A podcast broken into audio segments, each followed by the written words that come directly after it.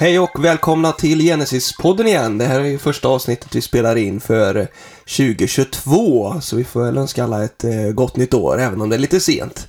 Men eh, eh, vi pratar ju här om skapelsevolution eh, framförallt och vetenskap och, och lite andra spännande saker. Jag heter Josef Månsjö som leder podden och Göran Schmidt är med idag igen. Välkommen Göran! Tack! Eh, vi spelar in på distans så vi håller ju alla alla eh, riktlinjer under den här inspelningen, eller hur? Ja, ja. Oh, ja. Eh, idag så är planen att vi ska prata lite om eh, eh, genetisk nedbrytning. Det är lite mutationer och grejer och, och sådär och ett, ett spännande ämne som eh, verkligen starkt är med och utmanar eh, evolutionsläran. Jag vet inte när, när, när, du kom i kontakt med de här grejerna första gången, liksom, med just att att det finns saker som tyder på att våra gener, DNA, att det bryts ner? Ja, alltså på något sätt så har det ju alltid... Eh, alltså tanken har alltid funnits där i och med att eh, man eh, har läst en hel del om hur, hur mutationer fungerar i praktiken. Att, att, att det är inte ingenting att leka med, så att säga. Va? Men eh, jag tror att det, det var speciellt i och med att en, eh, en genetiker som heter eh, John Sanford eh, publicerade en bok för ett antal år sedan som hette Genetisk entropi på svenska. Då, Genetic Entropy. Det var nog egentligen den boken som, som har ja, men, förtydligat det eller satt ord på det som man kanske intuitivt har känt när det gäller det här med mutationer. Så det, det var nog det som egentligen utlöste ja, som motiverar varför vi, vi gör den här podden också. Ja, jag måste ju berätta en lite rolig grej då. Jag var inne och kikade på hur jag skulle beställa den här boken, Genetic Entropy av Sanford. Och då så fanns det en rec recension, jag tror jag på Adlibris heter ju en stor eh, beställningssajt. Och så fanns det en recension av en kille som tyckte att det var en väldigt bra bok. Och så var det undertecknat Samuel L. Jag gissar att det är vår egna Samuel Lampa, men jag har inte frågat ah. honom. skulle det nog kunna vara. Precis. Men, men, det, det, men det, det, kan man ju tycka är partiskt då, men jag tror att den här boken har skakat om ganska många. Eh, alltså även i eh, den sekulära världen. Eh, därför att eh, det, det, han är så oerhört, oerhört tydlig, så oerhört liksom, evidensbaserad i det han säger. Så att, eh, så att det, det är ingen eh, man ska inte se det som en nackdel att det är en, en skapelsetroende som har posit, liksom, gett sina positiva, sitt omdöme då. Precis, helt klart. Nej. Eh, men om vi ska ta våra lyssnare in i detta då, eh, i ämnet, mm. Eh, så kanske man bara ska göra en kort reflektion kring detta med mutationer och liksom börja om och en liten introduktion liksom. Vad är, vad är mutationer?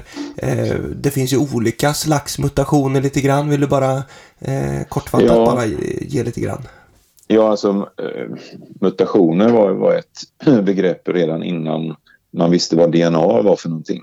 det var ju först på 50-talet som eh, man upptäckte eh, DNA-molekylens struktur och sådär. Men mutationer hade man känt till därför att eh, det såg man när man hade, när födde upp djur och när man odlade växter att rätt vad det var så dök det upp liksom någonting eh, ovanligt utan förvarning.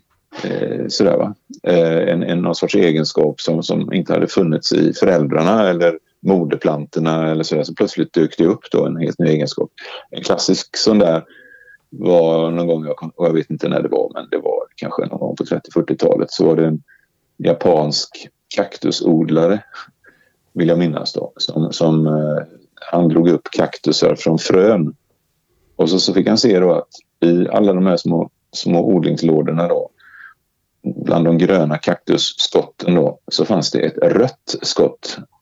Eh, då. Och så tänkte jag, vad i all sin är det här? Men, men han var smart så att eh, han, han, han förstod det att den här plantan den kommer inte kunna överleva därför att den saknar klorofyll då, som ju växterna måste ha för att kunna skaffa sig näring. Mm. Så att han, han tog och eh, skar av den här lilla plantan och så ympade han, satte han den på en, en grön eh, kaktus. Då. Han skar av en, en, grön kaktus upp till och så satte han på den där. Då. Och då växte den fast där och så fick den sin näring av det. Så att alla de där kaktus, jag vet inte om du har sett sådana kaktusar men det är ganska vanligt liksom att man ser grön kaktus och så högst upp till är det en röd boll. Liksom. Också kaktus. alla, alla de röda är liksom ättlingar till den där första som han eh, kom på. Då. En, en sån mutation skulle aldrig... Alltså den, en sån individ skulle ha vissnat av sig själv eftersom den skulle svälta ihjäl utan klorofyll. Men, men tack vare ett, att man ingrep där så, så har man liksom ja, så lever den, så man delar på den och sätter den på fler och så delar man och håller på så här. Men det, det var liksom ett exempel på en mutation, alltså en, en sån här oförberedd grej som dök. Men sen på 50-talet när man upptäckte DNA så, så förstod man ju då hur, hur det funkar.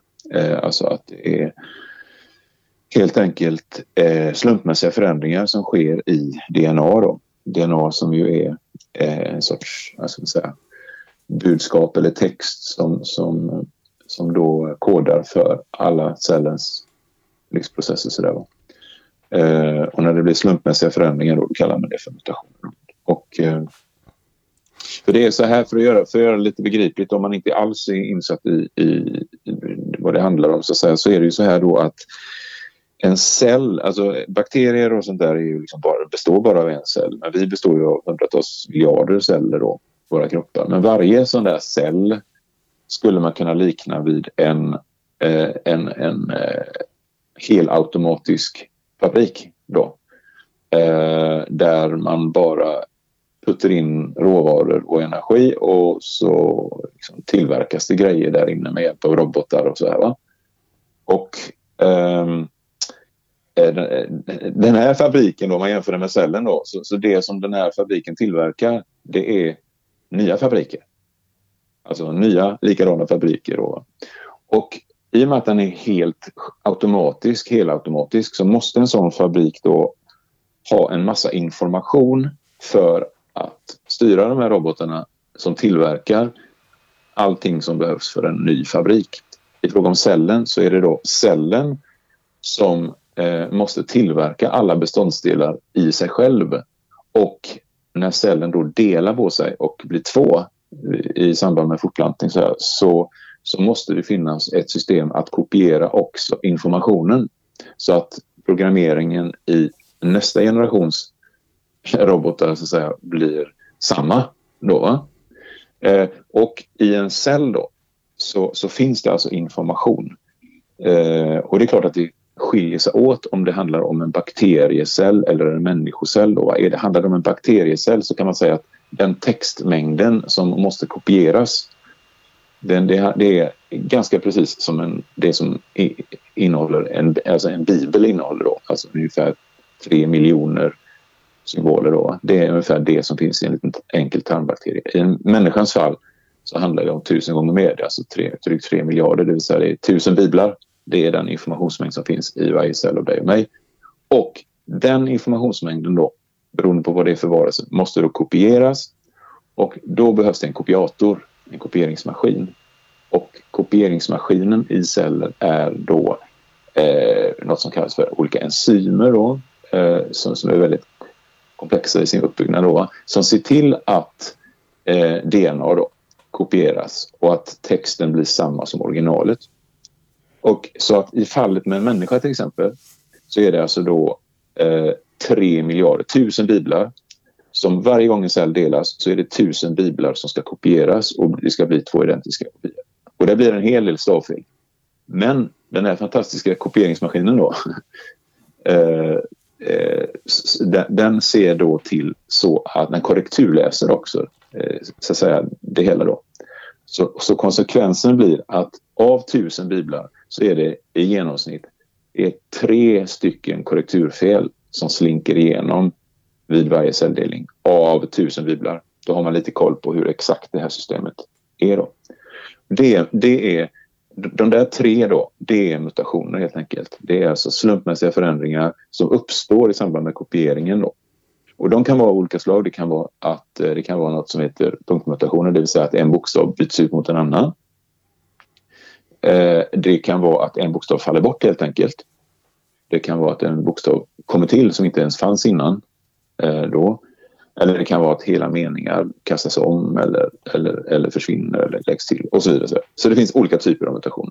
Och hast, eh, alltså, den här felprocenten kan öka drastiskt då, till exempel om man bestrålar med radioaktiv strålning eller utsätter cellerna för vissa kemiska ämnen. Och det är därför vi försöker akta oss för som, från sådana grejer för att det kan få konsekvenser, cancer och liknande.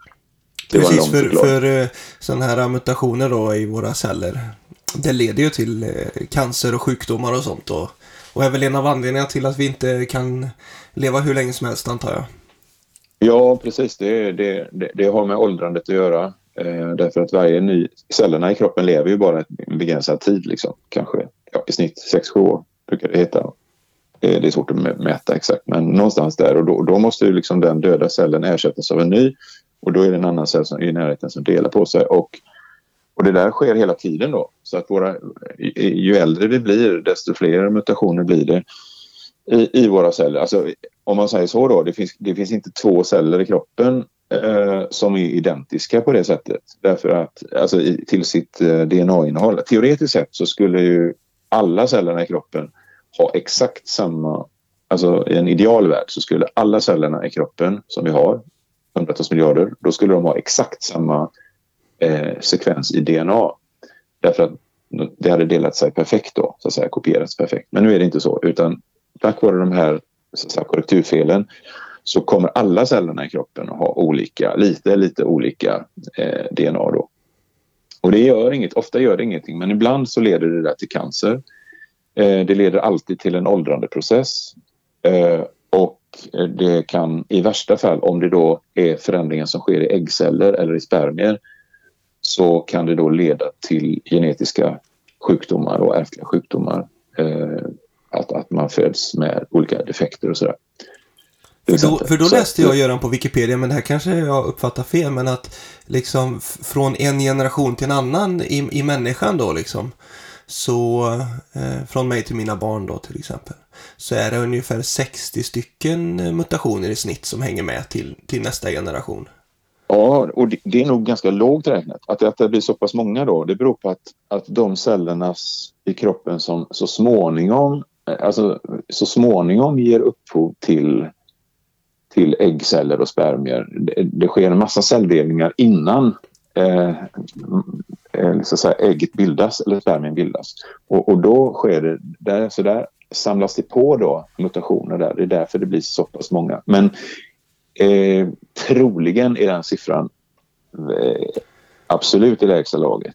Uh, Kanske att jag hörde, jag lyssnade på någon föreläsning. är nog ja. det minsta, liksom, det kan vara upp till tusen. Man, det, lite svårt att avgöra det där. Mm. Men... Och det är klart, det är inte lika många varje gång, va? för det är ju slumpmässigt så att det måste ju ja, finnas det, en variation. Ja, det är det. Ja, men det är det. Men det är så pass många att det nog är, hör, det hör till ovanligheterna att det inte sker någon felkopiering alls. Då. Mm. Men, uh, mm.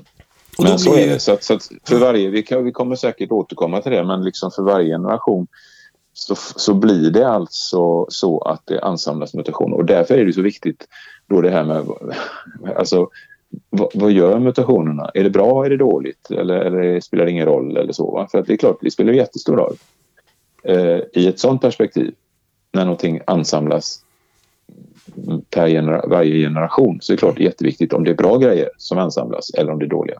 För det är ju en väldigt stor skillnad då på hur evolutionister och eh, skapelsetroende ser på mutationer och, och eh, vi kommer mer till det säkert också men eh, jag tänker på just detta att man talar om positiva mutationer, man talar om negativa, neutrala, konstruktiva mutationer. Alltså det är lite olika begrepp då för vad de här mutationerna gör med eh, informationen i, i DNA. Vill du liksom eh, hjälpa oss lite där med vad det ja. betyder? Ja, precis. Jo, alltså jag, jag, tror det där begreppet konstruktiva mutationer, det är någonting som är Alltså evolutionsbiologer talar väldigt sällan om det.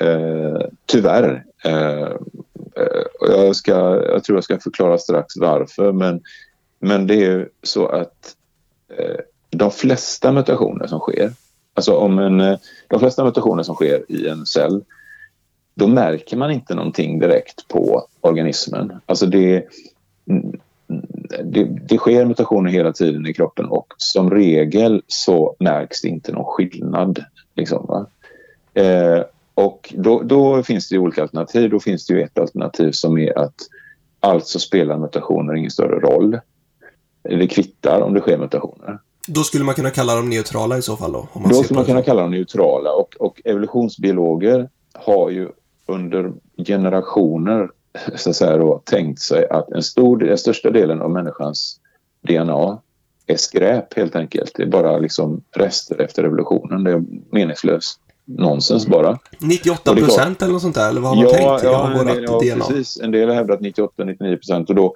det är klart att, jag menar, vad spelar det för roll om man petar i en sophög? Alltså, det kvittar ju eh, i så fall. Va? Eh, och, och, och, så det är utifrån, ett, utifrån en evolutionär förväntan då av våra nervsmassa som någon sorts skrotupplag så är det helt riktig, riktig slutsats de kommer till. Eh, då, då borde det rimligtvis inte spela någon som helst roll. Men det är bara, problemet är ju det att de sista tio åren så, att säga, så har ju forskningen eh, i stort sett avfärdat den där tanken på arvsmassan som skrotupplag för att eh, i, idag så vet man, det är inte så att man tror idag utan idag vet man att i stort sett, in, inte alla bokstäverna i DNA men nästintill tycks vara funktionella, alltså ha, ha någon typ av funktion.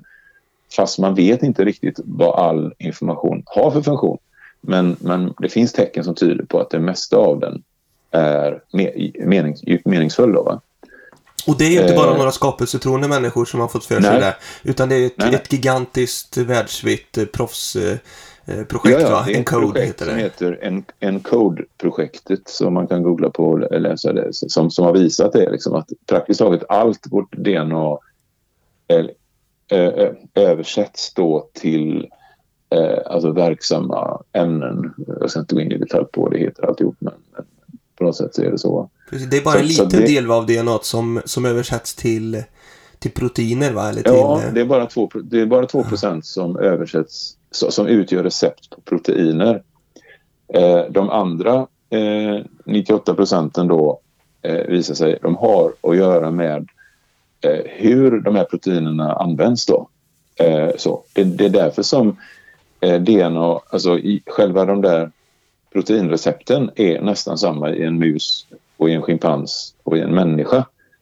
Eh, eh men däremot så den där, den där DNA som ligger däremellan som då är den större andelen, det är den delen som styr om det blir en mus eller en människa eller en schimpans. En, en bild eh. på det hela var det, det är väl inte det räcker inte med en hög med brädor och spik liksom för att det ska vara ett hus utan det behövs arbe arbetare och ritningar och, och massa Eh, maskiner och grejer för att eh, bygga huset, eller? Ja, men precis. Så att, eh, så. Sen är det andra aspekter på detta också. Det, det är det att alltså, om det nu är så då att i stort sett hela arvsmassan har en funktion då plötsligt kan man inte resonera så längre att det kvittar om man ändrar någonting. Dessutom skulle man aldrig kunna bevisa att en mutation är helt neutral. För att det, det kan visa sig imorgon att den inte var det. Eh, så, va? Och, och, och, dessutom så är det så här att det fantastiska är ju, ja, jag måste nästan berätta det, men det fantastiska är ju det från början utgörs vi alla av en enda cell, en enda befruktad äggcell av en enda typ. Och sen så efterhand som embryot växer så blir det fler och fler olika celltyper. Så att, jag menar när man är vuxen så har man liksom muskelceller och fettceller och nervceller och, all, och alla de här har samma DNA. Alltså bortsett nu från de här små mutationseffekterna så har alla samma programmering. Då. Och ändå är det sån enorm skillnad på vad en nervcell gör och vad en fettcell gör eller en muskelcell gör. Det är liksom skilda världar. Vad är det, hur, hur kan samma programmering eh, leda till så helt olika grejer? Och där är svaret då att i, i en muskelcell så är vissa gener, DNA-bitar, då, påslagna och andra avstängda. Och på samma sätt är det i alla de andra celltyperna. Det finns alltså ett överordnat system som talar om att i en muskelcell ska de och de generna vara påslagna och de och de avslagna. Det är också sådana grejer som, som ligger utanför DNA på något sätt. Det kallas för epigenetiska saker. En annan, ytterligare en dimension av komplexitet i det hela. Då. Men okej, okay. men det betyder att när man ska undersöka då en cell, vad en, en mutation har för effekt på en cell så spelar det alltså jättestor roll. Då, för att om det då är man undersöker en celltyp där genen i fråga är avslagen och det sker en mutation där, ja då kvittar det, det blir ingen effekt. Men skulle du eh, ut, ha en annan typ av cell eller kanske ett annat skede av embryots utveckling eller något och det då sker en mutation, då skulle det kunna slå ut hela funktionen. Eh, så, så, att därför så eh, går det inte att säga så här att det här är helt funktionslöst. Och även om, vi, vi antar nu att även om det vore så att en viss Eh, alltså bokstav i DNA skulle vara helt meningslös. I så fall skulle det ändå vara en nackdel. För då skulle eh, eh, den här cellen behöva tillverka den där eh, bokstaven hela tiden. Och, och, och, den skulle göra att det gick långsammare att, att eh, bilda proteiner och grejer. Så, så, så att även teoretiskt sett, om den vore helt neutral, så skulle den ändå innebära en liten, liten nackdel. Då. Så att det troliga är att det inte finns någon eh, Eh, mutation som är helt neutral, utan eh, att alla är svagt negativa i någon bemärkelse. Och sen, eh, bara för ytterligare en dimension på det hela, det är det att i DNA så är det så Alltså i en vanlig text så, så läser man från vänster till höger, inga problem så. Men i DNA kan man säga det är mer som ett korsord. Alltså korsord, då, då, är, då har ju varje bokstav liksom, ingår i två olika ord. Ett lodrätt och ett vågrätt. Eh, man kan också tänka sig ett tredimensionellt sånt där korsord. Alltså att orden går också in i pappret och ut ur pappret. Så att säga, va? Då, har man liksom tre, då kan en och samma bokstav vara med i tre olika ord. Det har visat sig att i arvsmassan så ingår varje bokstav ungefär i fyra eller fem olika ord. Alltså ytterligare två dimensioner. Och, och det gör det att om det sker en mutation vågrätt så skulle det högst sannolikt vara till skada för organismen. Men om det skulle råka vara en fördel att den här vågräta raden fick en, in, in, innebar någon form av fördel så skulle det samtidigt slå då på den eh, lodräta raden. Eh, och den som gick in i pappret och de två andra dimensionerna också. Och det här gör att eh, det här minskar chansen extremt mycket för att en mutation skulle kunna vara neutral eller ens på totalen fördelaktig. För att det är många dimensioner inkopplade. Eh, lite invecklat kanske, men, men det illustrerar hur fantastisk arvsmassan är uppbyggd. Liksom, Så att det är inte som en vanlig text, en bokstav hit eller dit kvittar. Utan här påverkar det i många lager. Eh, så tänk dig själv, tänk dig att tillverka ett korsord med tre, bara tre dimensioner, alltså som en kub. Alltså där orden går in och ut och, och olika håll och kanter. Att, att konstruera det bara alltså, arvsmassan är helt svindlande. Ja. Och det är klart sammanfattningsvis då så är det ju att eh, absoluta merparten av vårt DNA är fyllt av information liksom. Så oavsett vart mutationer sker så, så borde de vara negativa. Och sen, så, sen påstår man ju då liksom att nej, men vissa mutationer de är positiva. Eh, konstruktiva var vi inne på det också. Men, men om man tänker positiva mutationer och det finns ju lite mm. eh, förslag på det va från ja. från vetenskapen och liksom, titta här, här har vi en positiv mutation. Ja, ja, det, det, det finns och, och, och det och, och, samtidigt så det, det, det, finns många positiva eller fördelaktiga mutationer. Eh, kruxet är att de då det, det, är ungefär som att, att man läser det vågrätta och så det, hittar man en liten fördel där. Eh, men, eh, men många gånger så, så är det då negativt på andra. Ett klassiskt skolexempel som finns i, i skolböckerna det är det som brukar kallas för sickelcellsanemi. Alltså en, en, blodsjuk, en blodbristsjukdom hos människan då. Där man, när man har ett anlag för den här, när man har fått en sån här mutation då i genen från mamma eller pappa eh, och den andra är normal så att säga. Va? Då har man ett blod, en blodbild där vissa av de röda blodkropparna är deformerade. Eh, och fördelen med det eh, uppträder om man bor i Centralafrika där malaria är vanligt. Eh, därför att då ger den här mutationen en immunitet mot, eh, eller viss immunitet i alla fall, mot malaria. Vilket gör att eh, ett barn som föds med den blodbilden alltså att du fått en mutation från mamma eller pappa, då, då överlever de i högre grad än barn som inte har fått den mutationen för att de dör oftast i malaria. Så, så att det är ett typiskt exempel på den genen, alltså ungefär hälften av befolkningen eller ja, kanske en tredjedel eller något sånt där i Centralafrika, de har då eh, bär då på det anlaget. Just därför att malaria är så dödligt och sådär. Va?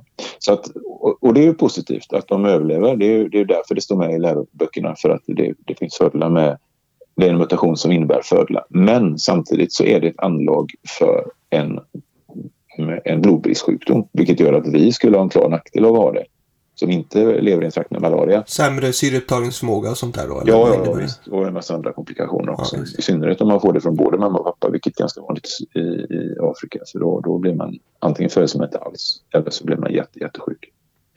Så att, eh, så. Sen finns det många andra följaktliga. Jag menar, och, och, det, det, det, finns exempel på fördelaktiga, men det finns ju en akvariefisk till exempel som heter, eh, som heter blindtätra det är en liten sån här eh, fisk som lever i grottor i Centralamerika som, som då inte har några ögon.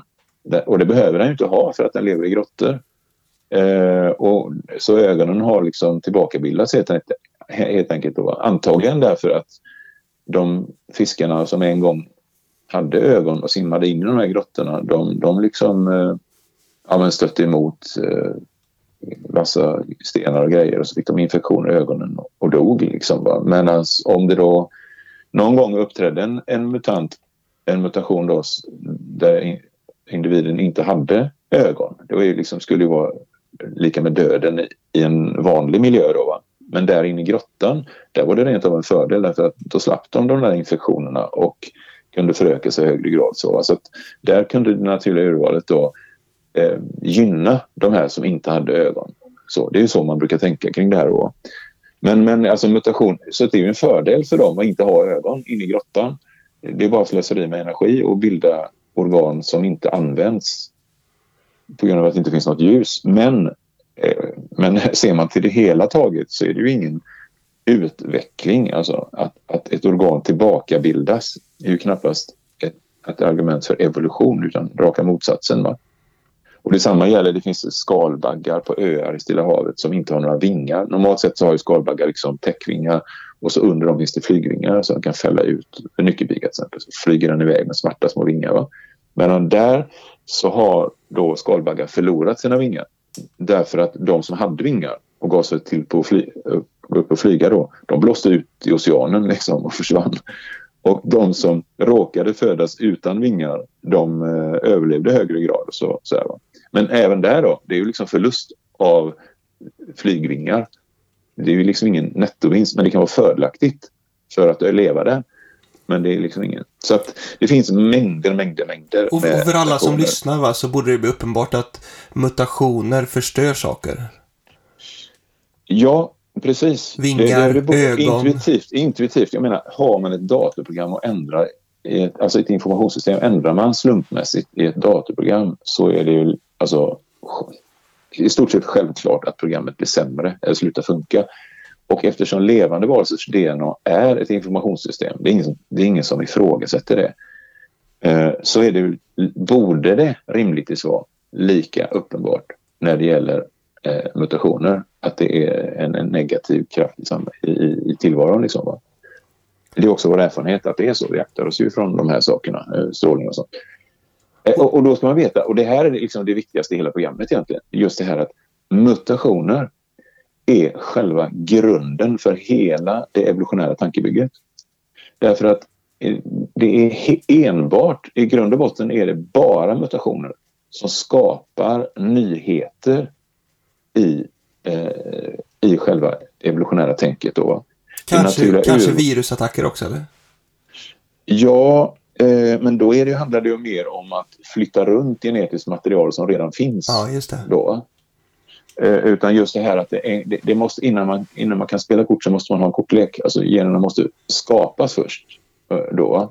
Och, och det sker då genom eh, mutationer enligt evolutionsteorin. Eh, så. Men... Eh, Virus, så, så alltså, vi, är... Virusens eh, information behöver också uppkomma genom mutationer alltså? Ja, ja. ja precis. I så fall. Och det, det är evolutionens ja. stora liksom, påstående att det sker så. Och, och här är vi väl inne på den här skillnaden mellan positiva och konstruktiva också då som... Ja, som... precis. Och jag, jag har liksom, jag har liksom debatterat det här med, debatterat det här med eh, säga, evolutionsbiologer ganska, ganska länge liksom, det här med, med, med de här frågorna. Därför att evolutionsbiologer brukar säga så att det spelar ingen roll om en mutation är, är konstruktiv eller inte. Det viktiga är bara att den är fördelaktig. Eh, och, så, och så säger man ungefär så här, så att därför, därför att det är vi människor som lägger en värdering i det hela att den måste vara konstruktiv också. Men i verkligheten räcker det att den är fördelaktig då.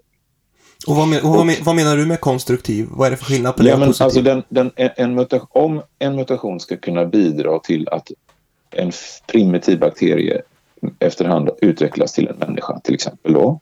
Då måste det liksom hela tiden under alla de här fantastiska miljonerna år så måste det liksom hela tiden tillföras nya, eh, nya saker då.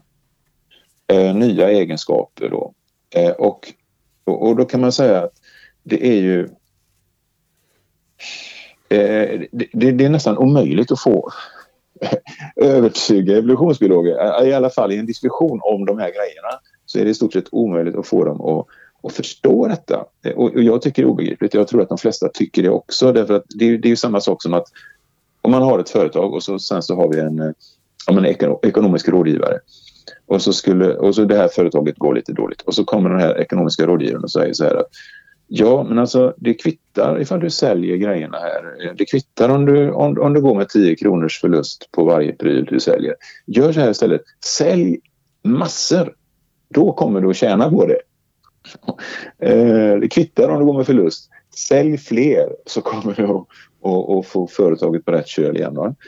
Alltså en sån rådgivare skulle vara arbetslös på ganska kort tid, eller hur? Va?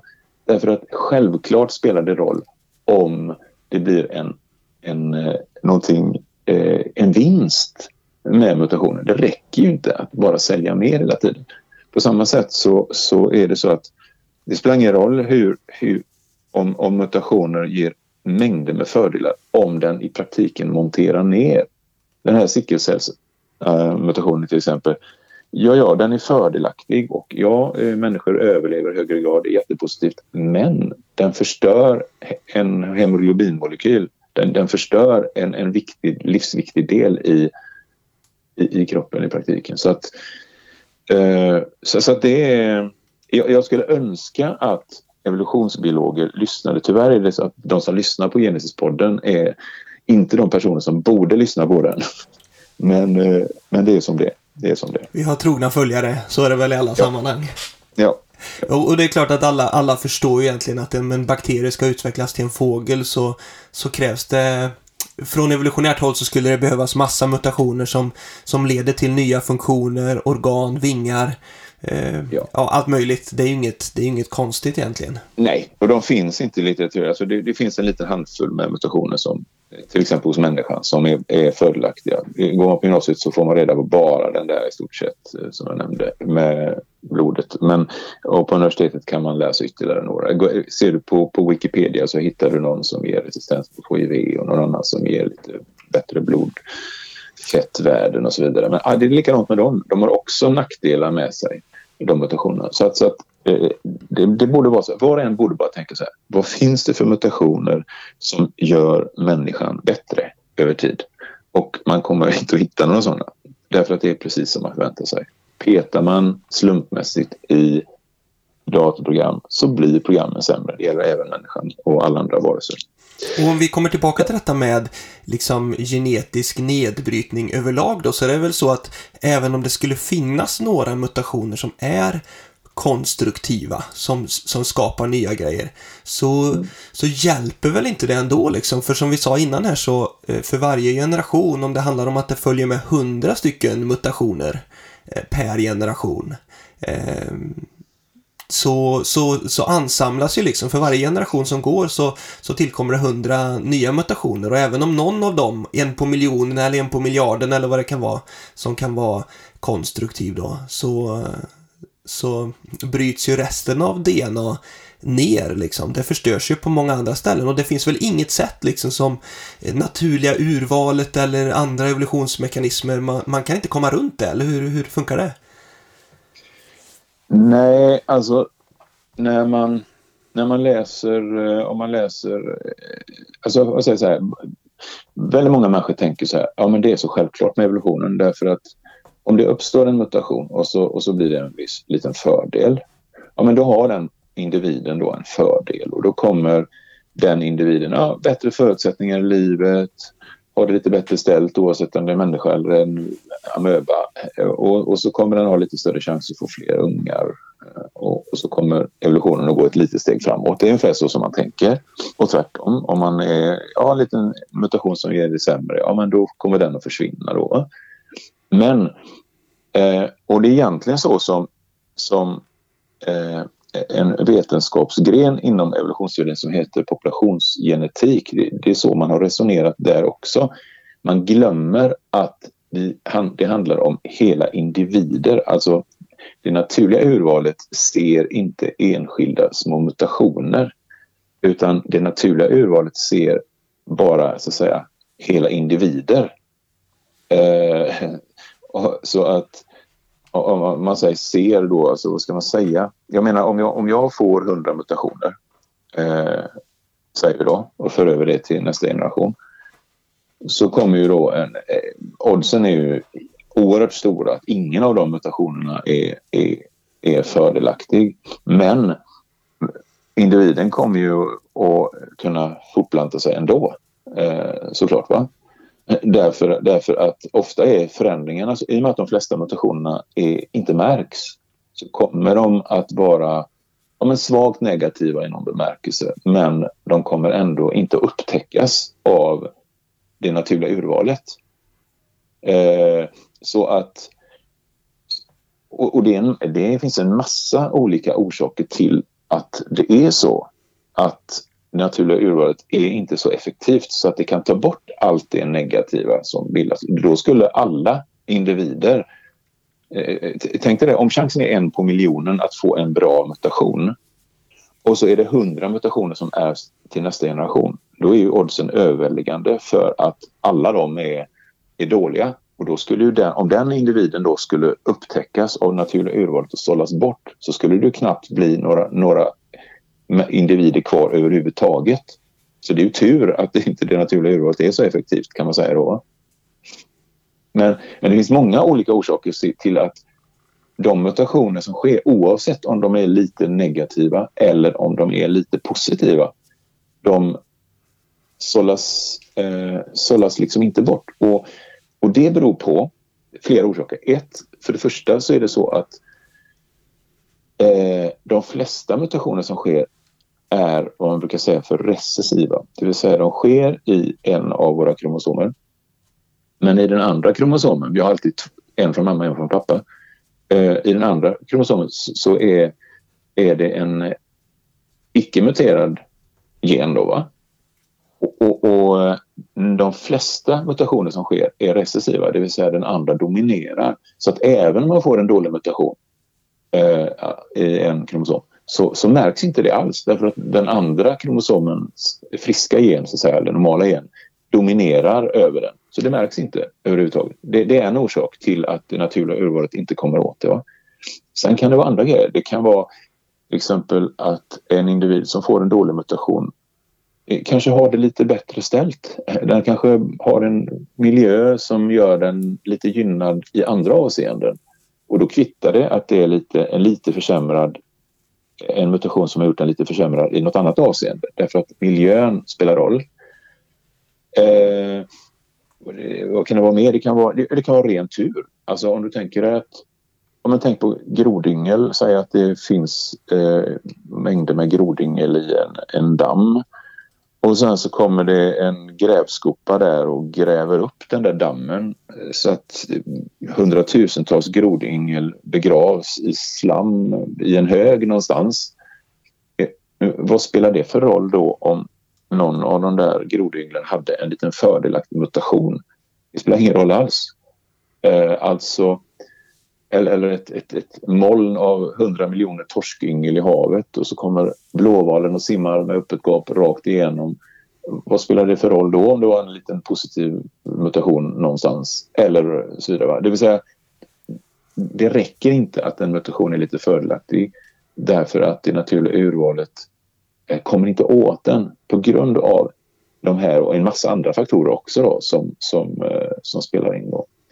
Så att eh, så det är en, väldigt viktig sak då, det vill säga eh, det räcker inte med att en mutation är lite fördelaktig för att, eh, för att i verkligheten så är inte det naturliga urvalet det som många tror. Det som populationsgenetikerna säger. Där kan man räkna fram att varenda liten positiv mutation kommer att leda till på sikt då att en, en varelse utvecklas lite positivt då. Eller, eller som man spontant tänker, en liten fördel ger alltid en liten fördel. Nej, det är faktiskt inte så. Så. Det. Det, innebär, det. här innebär inte att det naturliga urvalet inte skulle fungera. Det naturliga urvalet är jätteviktigt i naturen.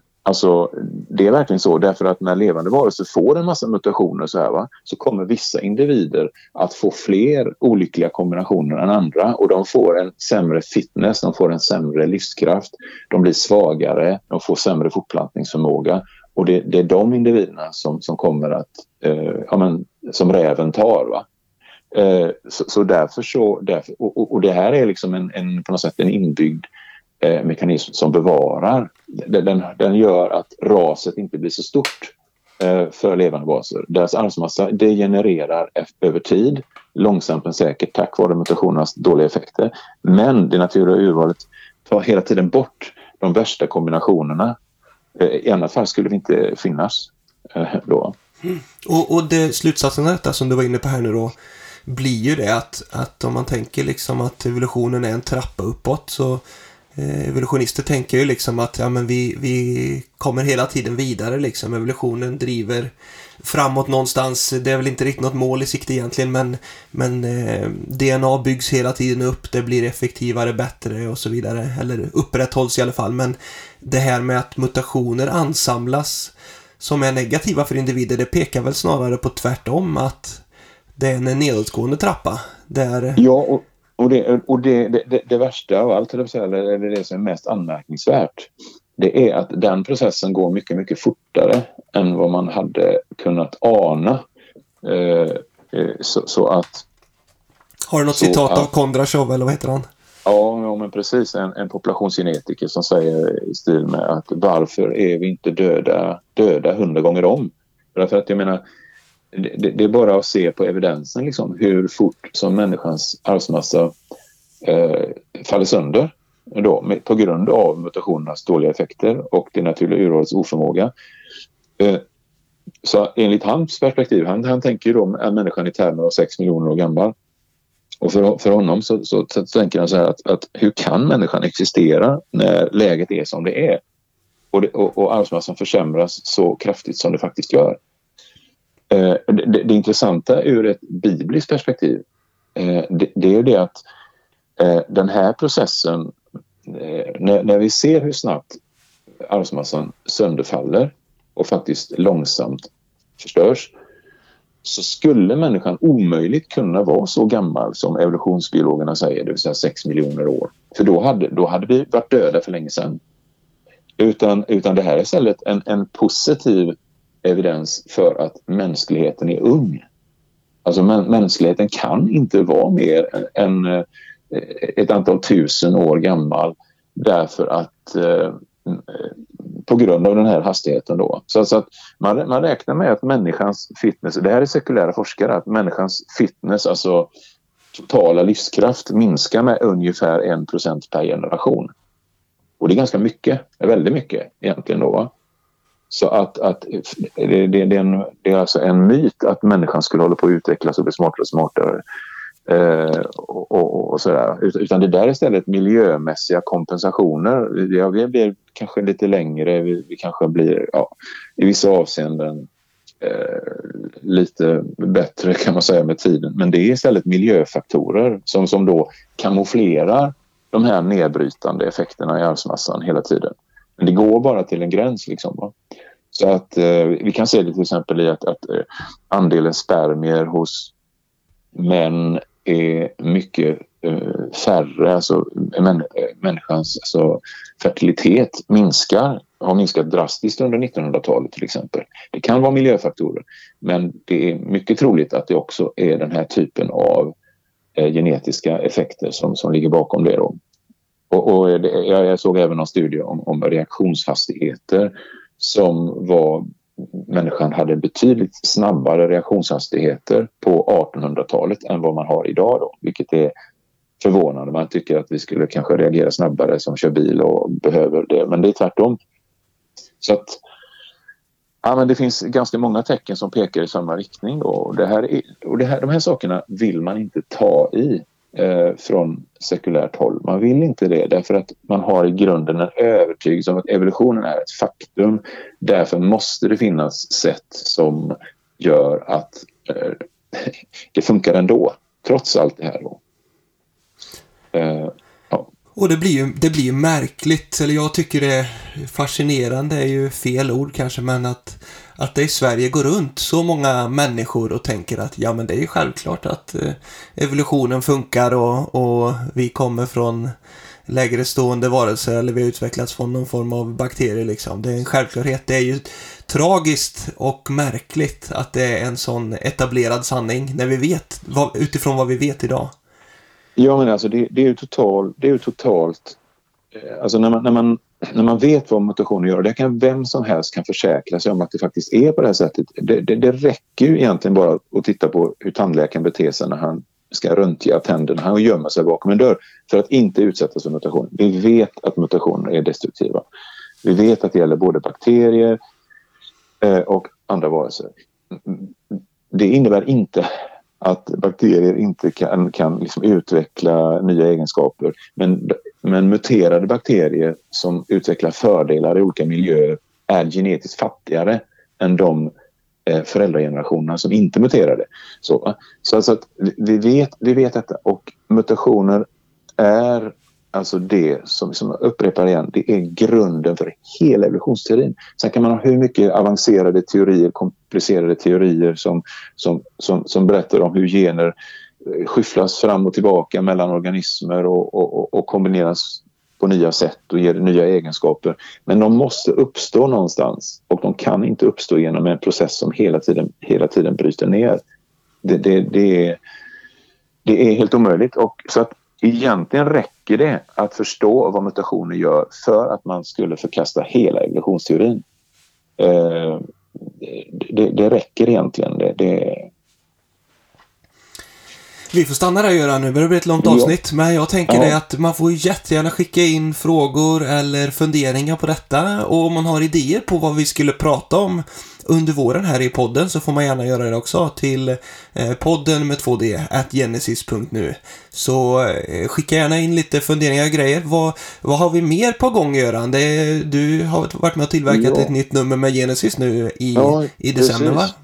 Ja men precis. Det, det, det blir det tjockaste numret i Genesis historia. Det blir 90 sidor någonstans. Alltså, alltså, det är helt hysteriskt. Men, men det tar upp just det tar upp just de här nyare eh, teorierna som man eh, brukar använda för att eh, rädda evolutionsteorin så att säga. Va? För det här med mutationer, även, även om man inte tillstår det så är, är det många sekulära forskare som inser att det här är problem. Eh, då, va? Det naturliga urvalet och, och, och de här sakerna. Och, och därför så finns det idag en, en rörelse inom bland sekulära eh, evolutionsbiologer som, som då kallas för tredje vägens evolutionsbiologi.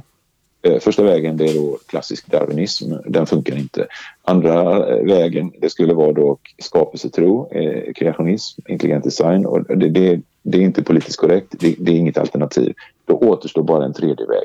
Vad är det då? Och, och det finns då ett antal sådana här teorier och det är, de granskar vi i, näst, i det nummer som kommer i början på mars. Så att eh, eh, och så visar vi på vad det är som eh, man egentligen kan eh, visa upp i fråga om det. Så att eh, det blir ett, ett referensnummer som man kan gå tillbaka till. Eh, det, det, det, kommer att visa att det hjälper inte upp saken någonting. Eh, evolutionsteorin är, är det hade räckt att bara konstatera det vi har sagt idag egentligen. Evolutionen funkar inte, det måste finnas ett alternativ det alternativet är att Gud talade och det blev Gud programmerade levande varelser och sen syndafallet så bryts vårt arvsmassa ner men Gud ska en dag upprätta det igen och göra en ny skapelse. Det, Så vi behöver inte vara deprimerade över det här, att eh, mänskligheten degenererar. För Gud har en fantastisk plan. Yes, och nu får du inte tid med Göran, men jag vill ju bara Nej. påminna våra lyssnare att man kan ju prenumerera på Genesis. Gå in på genesis.nu så finns det information där, för vi har ju ett nytt år, eh, nya spännande tidningar, nummer som kommer ut. Så gör gärna det, och så kan jag även nämna här idag då att i nästa avsnitt så kommer jag intervjua Ola Höscher, eh, som är Eh, Eh, professor i statistisk matematik eller något sånt där och prata om ett annat stort problem för revolutionen, just det som heter väntetidsproblemet. En variant på det är ju Haldanes eh, dilemma. Eh, så det tror jag också kommer bli spännande, eller vad tror du Göran? Det blir det absolut.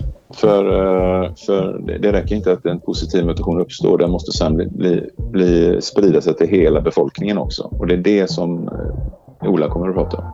Det, det, det är också ytterligare en eh, tegelsten. Precis, så ja. håll utkik efter det så tackar vi alla för att eh, ni har lyssnat idag. Tack Göran. Mm, tack. Ha det bra med er. Hej då.